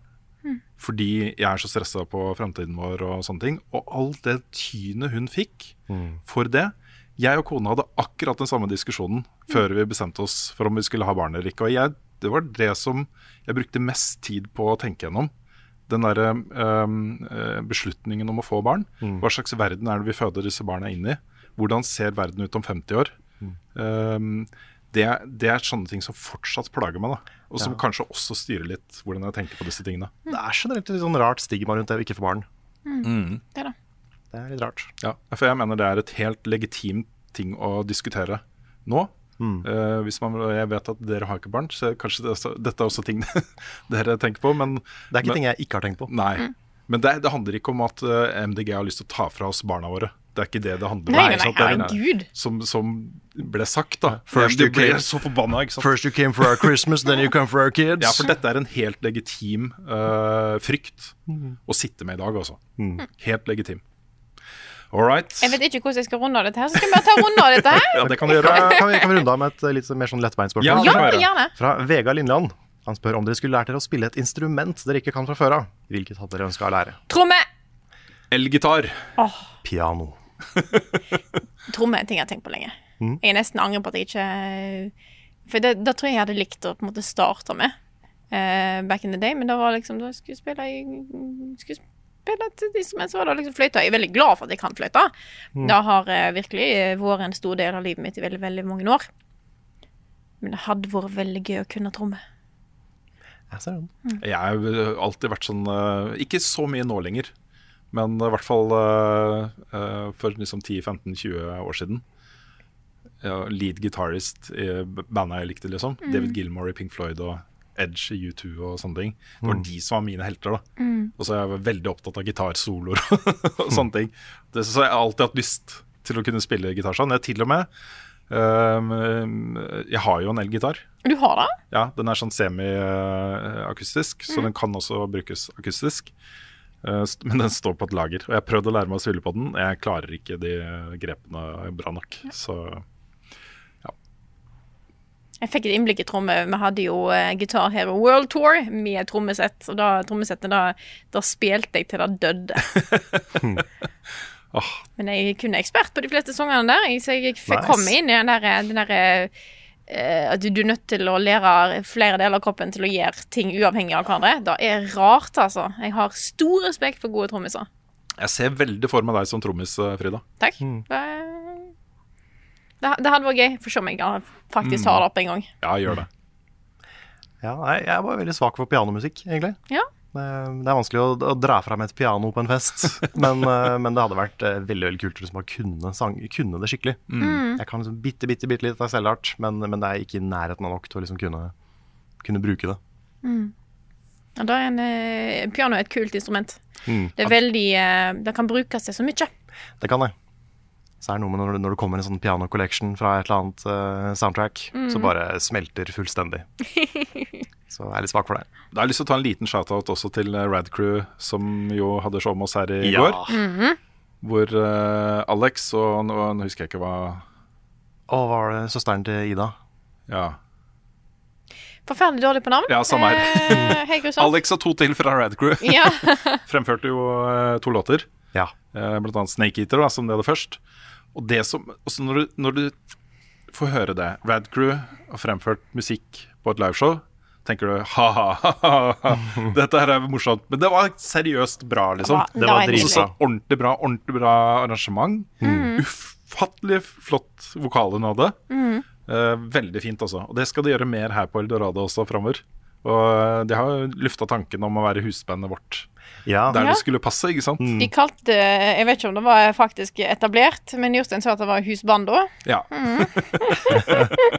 Nei, de var veldig flinke, altså. Kjempebra. Prøv, jeg, blir litt- jeg, jeg, har jo, jeg har jo instrument. Jeg har jo en ukulele. Kanskje Ja. ikke tatt med den på et Ja, jeg eh, skjønner. show, men det hadde jo blitt eh, Det er noe annet enn For disse her var jo ordentlig proffe, nesten. sant? Så det er jo Mm. Den blir jo sånn halvveis. vet du. Og så kan man, eh, Den kan man vel bare spille 'Somewhere Over The Rainbow' på? Er det ikke, er det ikke sånn der? Eh, eller eh, Jason Rouse in I'm Yours. Den Ja, er ok. jeg- Ja, ja. riktig. Mm. Ja, greit. Så All right. det, dessverre. Ok. Mm. Det blir kun deg. Ja. Ellers så blir det den der sangen fra Deadly Premonition hver gang. Ja. Ja. Åh. Nei, men da skal vi ta og gi oss for i dag. Mm. Dette her er podkasten Level Backup, utgitt av moderne media. Låten i introen og outroen er skrevet av Ole Sønnik Larsen og arrangert og framført av Kyosho Orkestra. Vignettene er laget av fantastiske Martin Herfjord. Du finner mye mer innhold fra oss på youtube.com slash levelupnord. Der eh, er det masse knask eh, som har kommet eh, nå i det siste, i sommer og alt mulig rart. Duell og sånne ting. Eh, vi har òg en Twitch-kanal, twitch.tv. slash levelupnord. Hopp inn der og trykk på følg, så får dere en varsel når vi går live. Vi har en Discord, discord.gg slash levelupnorge, så bli med der. Der skjer det mye koselige ting. Masse koselige bilder av eh, kjæledyrene til folk, blant ja, Mm. annet. veldig Gjerne. hyggelig. Hyggelig sted å være. Absolutt. Eh, vi har en shop. Den heter levelupnorge.myspreadshop.no. Eh, vi har eh, f- et, etter i liveshowet har vi fått litt ideer til nye T-skjorter. som vi får Som se. eh, eh, muligens eller muligens ikke vil eh, inneholde et eller annet med Sonic. Kanskje litt sånn, Sonic. Litt Sonic. Det er, eh, når vi spiller det der eh, Jackbox T-skjortespillet, så blir det ofte litt Sonic. Ja, det gjør Ja. det. Eh, så vi skal se om jeg klarer å gjenskape en av de eh, vinnerne der, rett og slett, for, eh, så alle kan se. Mm. Eh, hvor er jeg jo? Patron. Patron har vi. Patron.com slash levelupnorge. Støtt oss gjerne der. Eh, det setter vi ekstremt stor pris på. Det var utrolig gøy å se mange av backerne våre i går. Ja, det kjempehyggelig. er noe av det Mm. koseligste. Altså. Da Ja, det er treffer veldig folk. hyggelig. Jeg er også eh, imponert over, eh, over eh, gjengen til spilledåsene. For de var sånn eh, Altså, de fant sitt eget hjørne av salen. Mm. Var veldig høylytte og sånt. Det var kult å se, altså. Ja. Ja, det var sånn her Bethesda pressekonferanse, bare genuint. Åh, Herlig. Yes. Og med det så tror jeg vi tar en runde av her. Eh, tusen takk til alle som hører på. Og så snakkes vi igjen neste uke.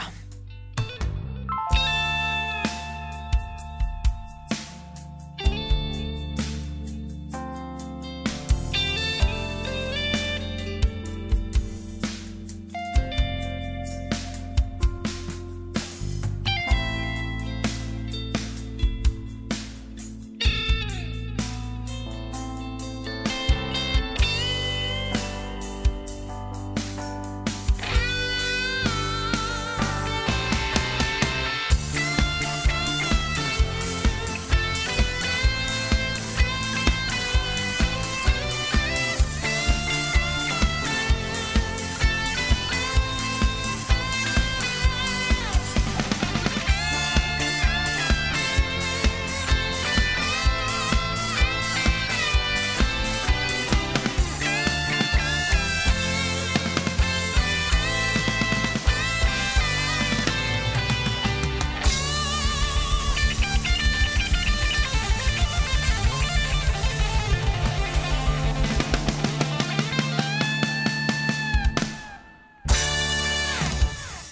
bare det der bildet av at du liksom «Hehe, Nå skal jeg ta på meg buksa til gangen. Jeg syns det var så funny. Ikke bare er det jeg som har bukser i det forholdet her, men jeg har tatt buksene Du har dine! tatt mine bukser. Åh, Hadde jeg to bukser der? Det skjønner jeg ikke hva det var. Du hadde bukse utenfor bukse. Det var, altså, motivasjonen var liksom, det er gøy hvis Karl står under buksa. Ja, men det hadde jo vært kjempegøy.